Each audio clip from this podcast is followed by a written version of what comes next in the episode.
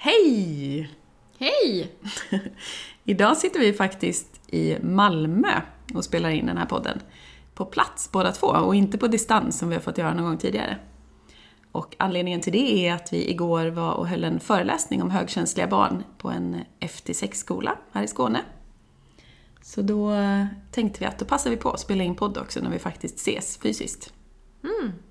Kul! Härligt att få Kul. träffa dig lite IRL. och inte bara över telefon. Eller hur?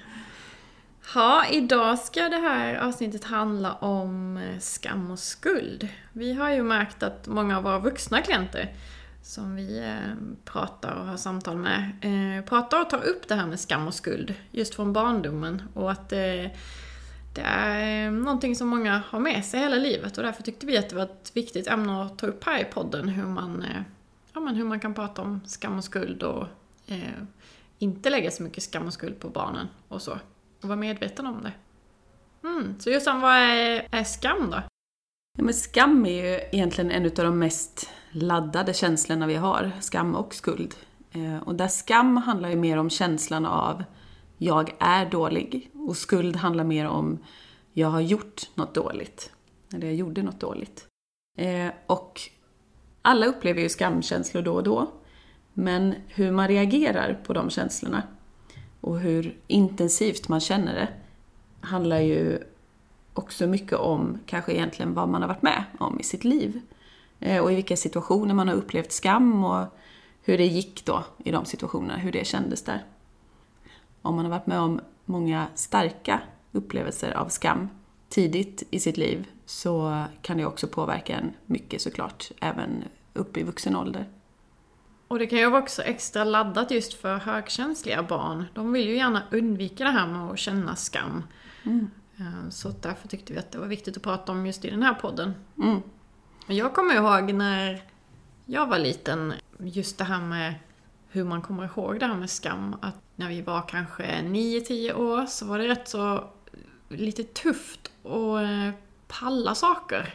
Jag vet inte om du varit med om det, men Jag vet inte om man säger palla på alla dialekter. det gör man kanske inte. Sno grejer från andras trädgårdar. Exakt. Ja, då hade jag i alla fall eh, någon där vi bodde som hade tomater. Och det var ju ingen av oss barn som egentligen kanske tyckte det var jättespeciellt med de här tomaterna. Gå in och sno en tomat, det var något eh, häftigt att göra. Jätteelakt egentligen om man tänker efter han stackaren som höll på att odla tomater. Men i alla fall.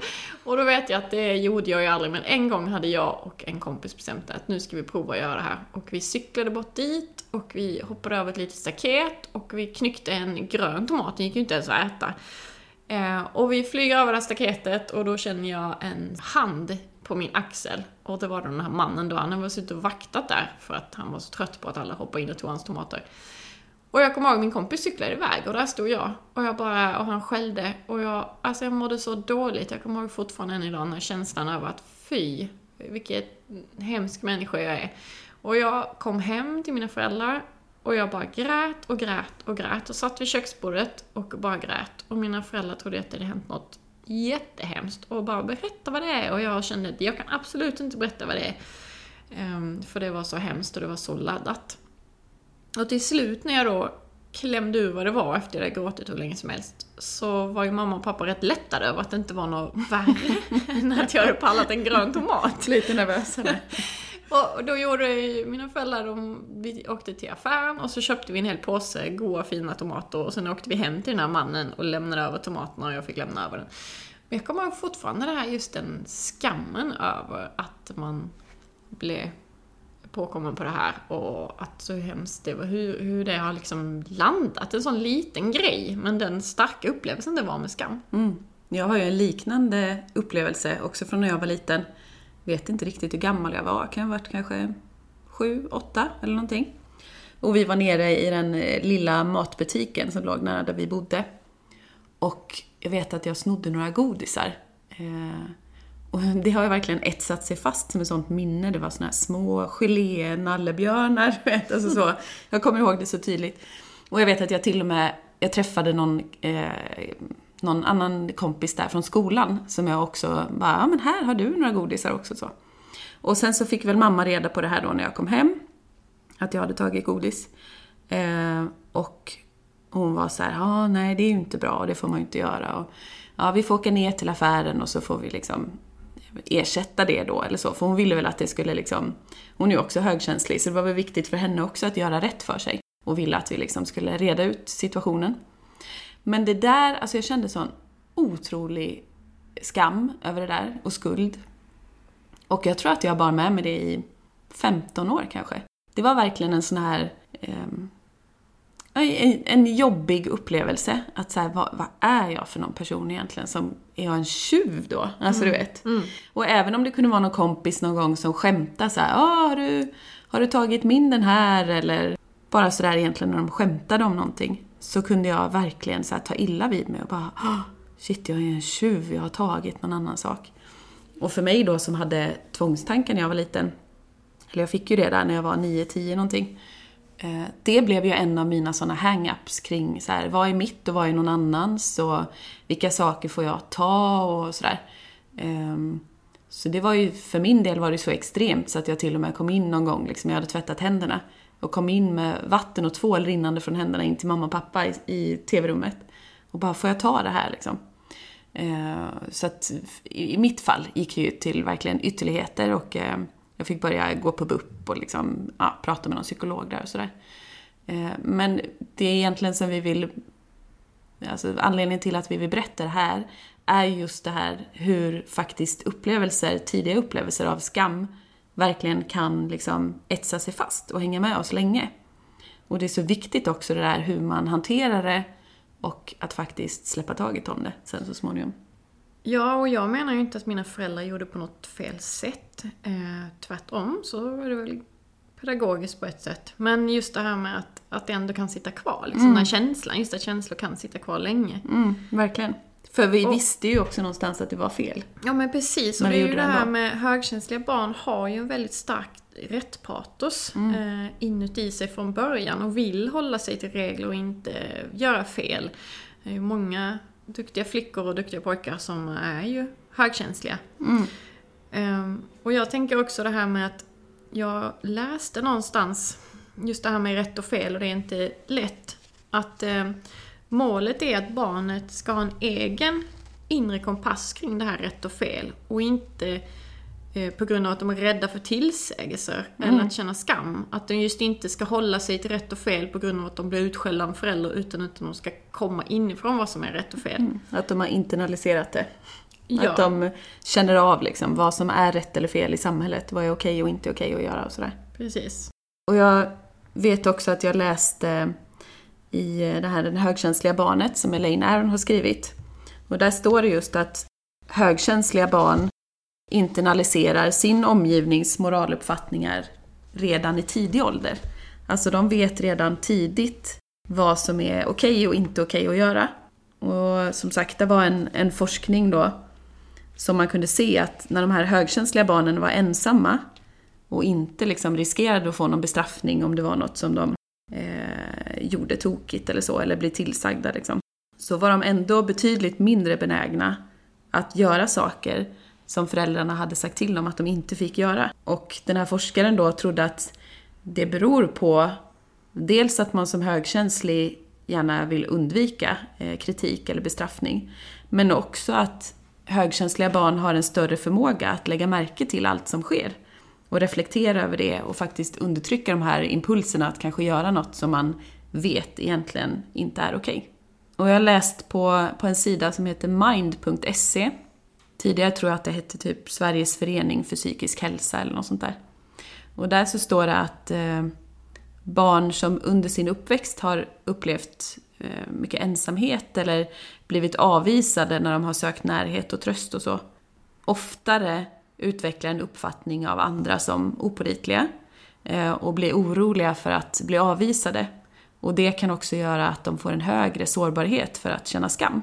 Och det kan hänga med sen då, ända upp i vuxenlivet. Medan om man har en, en trygg uppväxt med föräldrar som är pålitliga och som är närvarande och fångar upp en liksom, så utvecklar man ofta en, en tillitsfull relation till andra människor. Och då är man inte lika rädda för att liksom, eh, bli övergivna eller avvisade eller sådär. Inte lika eh, hög sårbarhet eller stor risk att känna skam då. Och det här med hög skambenägenhet har också visat sig vara relaterat till psykisk ohälsa. Eh, såsom depression eller ångest eller social fobi eller ätstörningar och missbruk. Så att eh, helt klart det här att känslor av skam påverkar oss väldigt mycket på olika sätt. Och just det här med högkänsliga barn, de är ju ofta väldigt känsliga för kritik. Eftersom eh, både högkänsliga barn och högkänsliga vuxna har ju en ganska stark inre kritisk röst som, eh, som är som sagt stark inifrån. Så att då eh, anklagar de sig själva redan hårt så man behöver inte de här extra grejerna från omgivning också. Nej, det räcker oftast med ganska lugn tillsägelse om att sådär, det där var kanske inte riktigt bra. Eh, man behöver inte ta i så mycket. Just det. Och där finns ju olika reaktioner på skam. Och där finns en, en modell som kallas för skamkompassen. Och där handlar det om att eh, man beskriver det som fyra olika riktningar då. Eh, där eh, kompassens poler eh, benämner de här olika riktningarna. Så där är norr, eh, och det är den mer undandragande delen, där man eh, kanske undviker sociala situationer eller isolerar sig för att man inte vill utsätta sig för andras eventuella ogillande eller avvisande. Och öst, där man mer attackerar sig själv i form av självkritik eller att man vill ta kontroll över skammen för att man ska förhindra att det händer igen eller att man känner det igen. Söder som är undvikande, där man försöker kanske distrahera sig själv för att man vill inte känna av det där obehagliga känslan som, som skammen kan ha orsakat då, eller situationen kan ha orsakat. Och sen väst där man mer attackerar andra. Eh, man riktar aggressionen utåt mot något som någon annan har gjort eller sagt. För att man vill liksom minimera den egna skamupplevelsen. Och du, man kan ju reagera väldigt olika på skam också. Högkänsliga barn till exempel kan ju Vissa kan ju skylla ifrån sig, det kan bli olika utbrott, det kan komma mycket ilska om de till exempel blir påkomna, då förbereder de sig själv mycket. Och så blir de ju arga egentligen på sig själv, men det blir ett drama och de kan gå därifrån. Eh, och det kan ju också vara då, eh, ja men som vi har pratat om i ett annat avsnitt där, med att det, blir att det gränsar till överstimulering. Eh, och också ett undvikande beteende. Att om de vet att någonting att det är någon som inte gillar någonting så kan det bli att eh, man smyger med det helt enkelt. Eh, det vet jag, jag har pratat med andra om det här med mobiltelefoner som är ju ganska aktuellt att föräldrarna kanske inte vill att barnen har sina mobiltelefoner hela tiden. Då kan det ju bli att barnen smyger iväg och smyger in på toa eller smyger med det i sitt rum eller någonting så för att eh, de känner ju att de vuxna inte vill att de ska göra det. Eh, och då blir det ett slags undvikande beteende istället för att kanske prata om det. Och sen det här med skam, det är ju inte enbart det här med att kanske ljuga, utan jag har upptäckt också att många vuxna högkänsliga kan tycka att eh, det här med att nästan undanhålla sanningen också är att ljuga och vad kan vara förknippat med skam.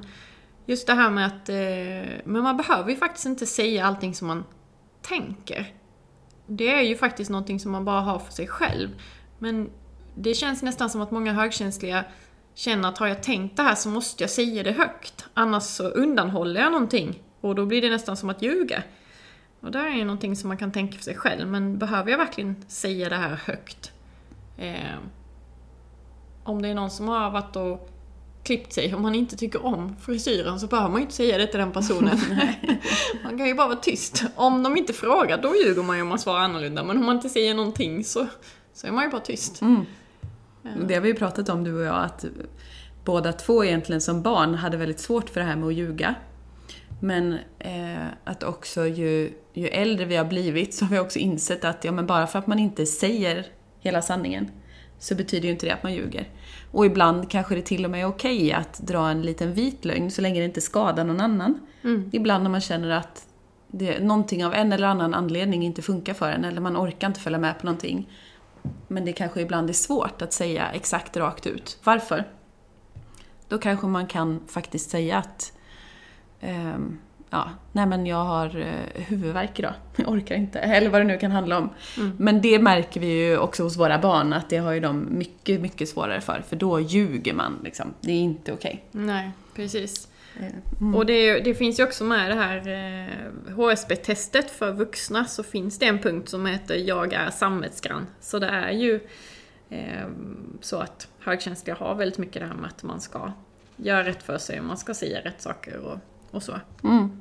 Eh, det finns ju också lite olika tips hur man kan undvika skambenägenhet. Och vi har tittat lite i det här högkänsliga barnet av Elaine Aron. Eh, och då, eh, då tar hon ju upp det eftersom skam är mer än bara motsatsen till hög självkänsla, så krävs det några extra varningar när det gäller att undvika skambenägenheter, nämner hon det då. Eh, och första punkten är ju till exempel det här med att eh, gå inte till den andra ytterligheten där du undviker att tillrättavisa ditt högkänsliga barn. Att forskning säger att om man inte har några regler alls så kan det vara tuffare för barnet. Att det är ändå bra att ha vissa regler för att barnet ska veta att den, eh, om det inte finns några regler så kan ju barnet aldrig veta när den gör rätt. Och att det är någon slags gränslöshet, att, det, att då barnet känner sig eh, ohjälpligt förlorat. Att det kan vara ännu tuffare. Sen kan det vara det här återigen att se på sig själv. Just det här att många har växt upp med mycket skamkänslor och skambenägenhet från sina föräldrar. Att just titta på sig själv. Men gör jag bara precis som mina föräldrar gör? Eller kan jag bryta någon vana som jag växt upp med? Det kan alltid vara viktigt, självrannsakan. Den tredje punkten är det här med att betona inte sånt som man förväntar sig att sitt högkänsliga barn ska uppnå.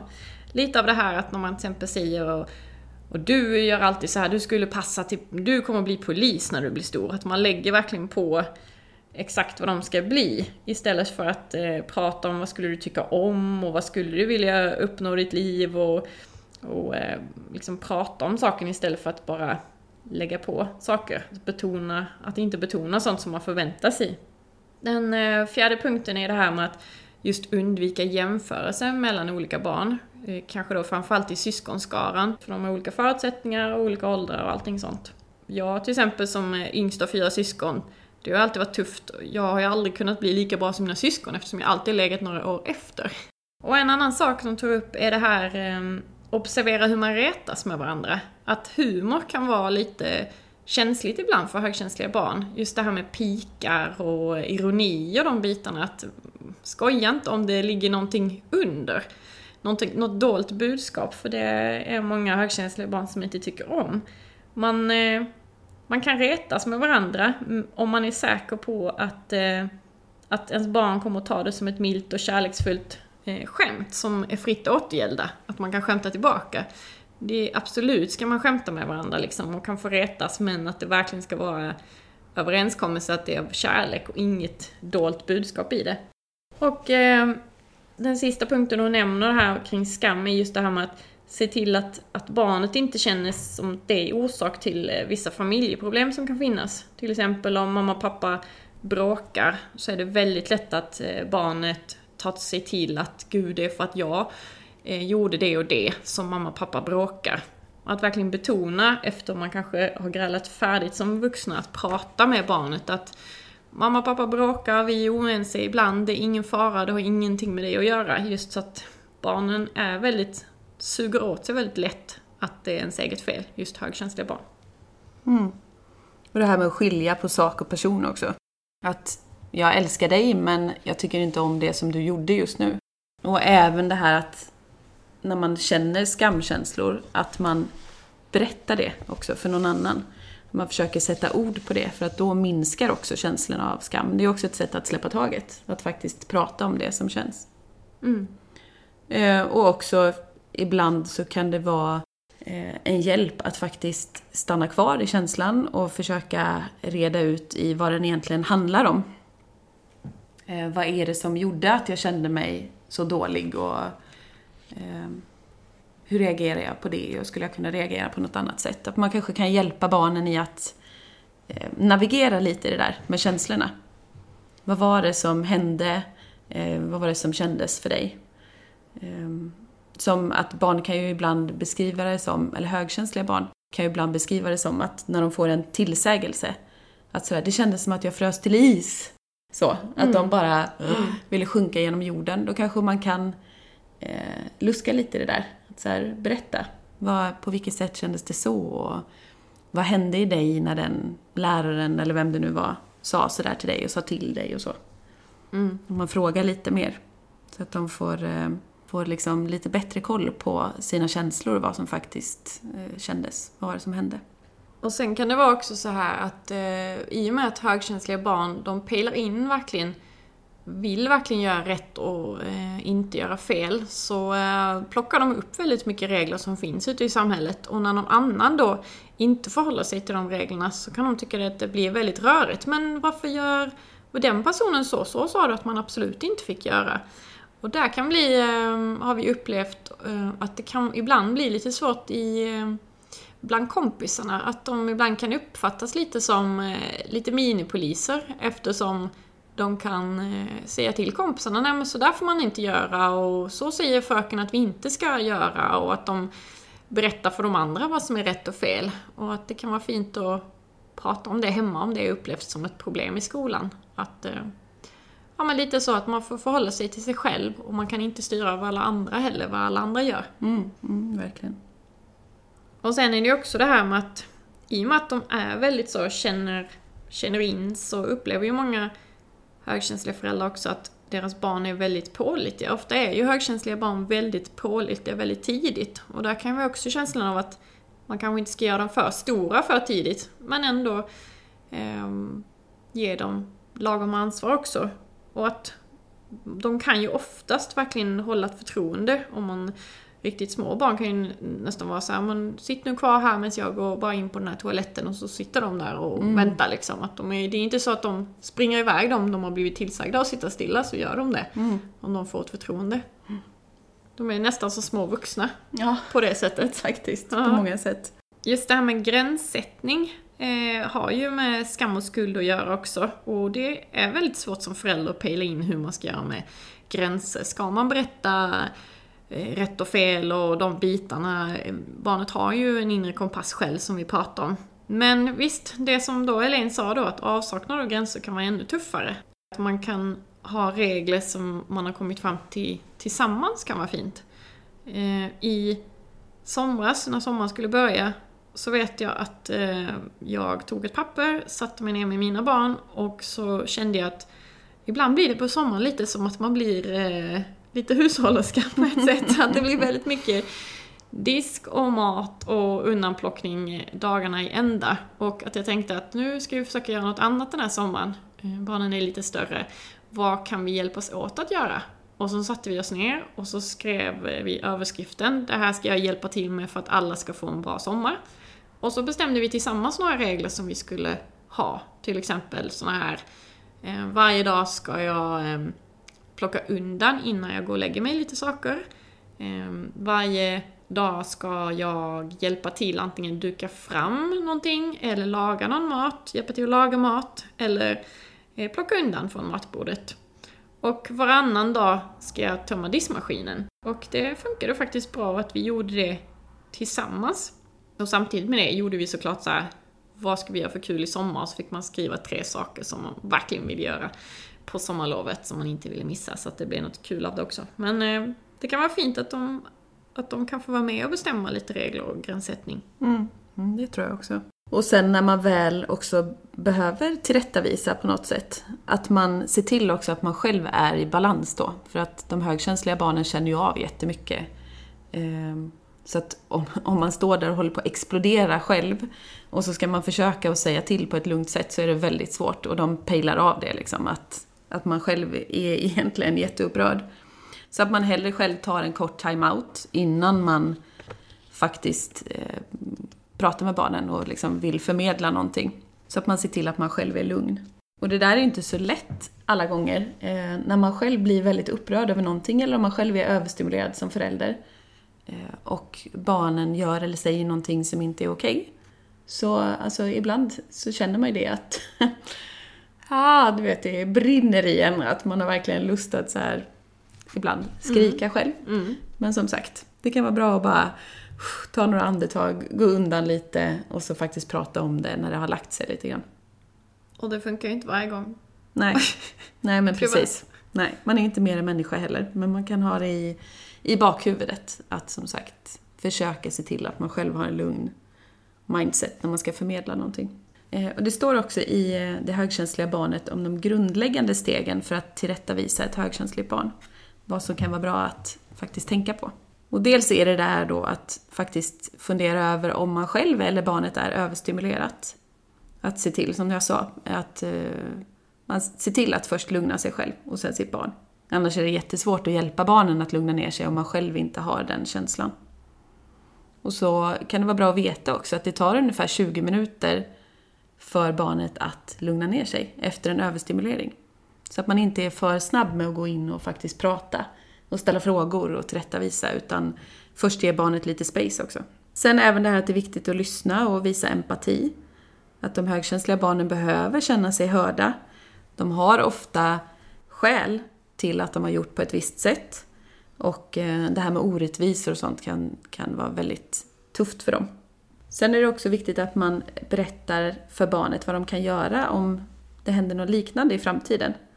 Ehm, så att de har liksom ett, eh, ett bra exempel på att ja, men nästa gång om det här skulle hända igen, hur skulle du kunna lösa det på ett annat sätt? Vad hade du kunnat göra istället? Att när du blir arg så berätta hellre för mig då att du är arg istället för att börja slå på mig eller liksom börja kasta grejer. Ehm, så kan vi prata om det istället eller sådär. Och jag tänker på det när du säger prata om det, att det är ju väldigt ofta om ett barn blir överstimulerat och gör någonting i affekt så är det ju väldigt ofta det kommer skam och skum, skuld. Kanske vid läggning på kvällen, då kommer det väldigt mycket förlåt att jag gjorde så och så, det var inte meningen att göra dig ledsen och, och då kommer den här... eh, Och då är det ju viktigt också att ta emot den och kunna vara förlåtande i det. Att det är okej. Det var inte, precis som du sa innan, det är ju inte dig jag inte tycker om, det var beteendet som jag inte tyckte var okej. Ja, vi kan ju avsluta med att säga att det är ju inte lätt det här med att vara förälder. Nej. Och det är ju, det är ju jättesvårt att helt undvika de här känslorna av skam och skuld. Och det, skam och skuld är ju också egentligen bara en känsla som alla andra och den är ju inte farlig. Men som vi inledde med att säga så kan det ju ändå vara jobbigt att dela med liksom i framtiden. Och att det ibland kan finnas kvar i vårt medvetande under en längre tid. Mm. Eh, och därför är det viktigt att prata om skam och skuld, men att eh, göra barnen medvetna om att både mamma och pappa gör också en massa fel och så. Absolut. Ha, vad händer för dig nu framöver Jossan? Under hösten här så har jag en del retreat. Dels så har jag med min syster Caroline. Eh, där har vi retreat för eh, högkänsliga, eller stresshantering för högkänsliga. Så vi har ett i oktober och sen planerar vi att ha ett i december. Och sen ska ju faktiskt du och jag ha ett retreat ihop. Ja, men precis. Vi ska ha ett retreat för eh, föräldrar till högkänsliga barn. Och det blir i november. Så Mm. att, eh, Den 6 till 8 november. Där kan ni alltid gå in och läsa på våra hemsidor. Min hemsida sida heter ju www.hogkänslighetscoachen.nu Och min heter tankaromhögkänslighet.se. Och under det retreatet så kommer vi ju, ja dels är ju fokuset såklart att eh, föräldrar till högkänsliga barn ska få träffa andra föräldrar till högkänsliga barn. Att eh, faktiskt utbyta erfarenheter och tips och så. Men sen så kommer vi också eh, prata om högkänsliga barn. Vad innebär det? Vad kan vara bra att tänka på? Eh, och också såklart få tips och verktyg. Och sen även faktiskt få tillfälle som förälder att få återhämta sig själv lite. Och landa i liksom en, en lugn och skön känsla i sig själv. Och jag kommer fortsätta med personliga utvecklingsprogram som jag håller på med. Jag har eh, personer som jag följer under fyra månader som vi har samtal löpande och de får material och sådär. Och eh, om man vill göra en egen personlig resa, både i sitt föräldraskap eller i, i sig själv för, med sin högkänslighet eller stresshantering också. Spännande. Och sen fortsätter vi ju båda två med att ha vägledningssamtal också. Absolut. Både på telefon eller på plats i Halmstad eller Karlskrona. Och där är ju både för, för vuxna högkänsliga men även för föräldrar till högkänsliga barn som vi vägleder. Och så hoppas vi på fler skolor också, för det är ju Precis. väldigt, det är det vi brinner för, att nå ut med det här kunskap om högkänsliga barn för, Mm. att, för att det ska bli eh, lättare att växa upp. För det var ju det vi båda kände att hade vi vetat om det här tidigare så hade det varit, livet varit så mycket lättare. Mm, vi hade inte dömt oss själva så hårt. Nej. Ja, men vi får säga på återseende helt enkelt. Tack för idag. Tack för idag. Hej då! Hej då!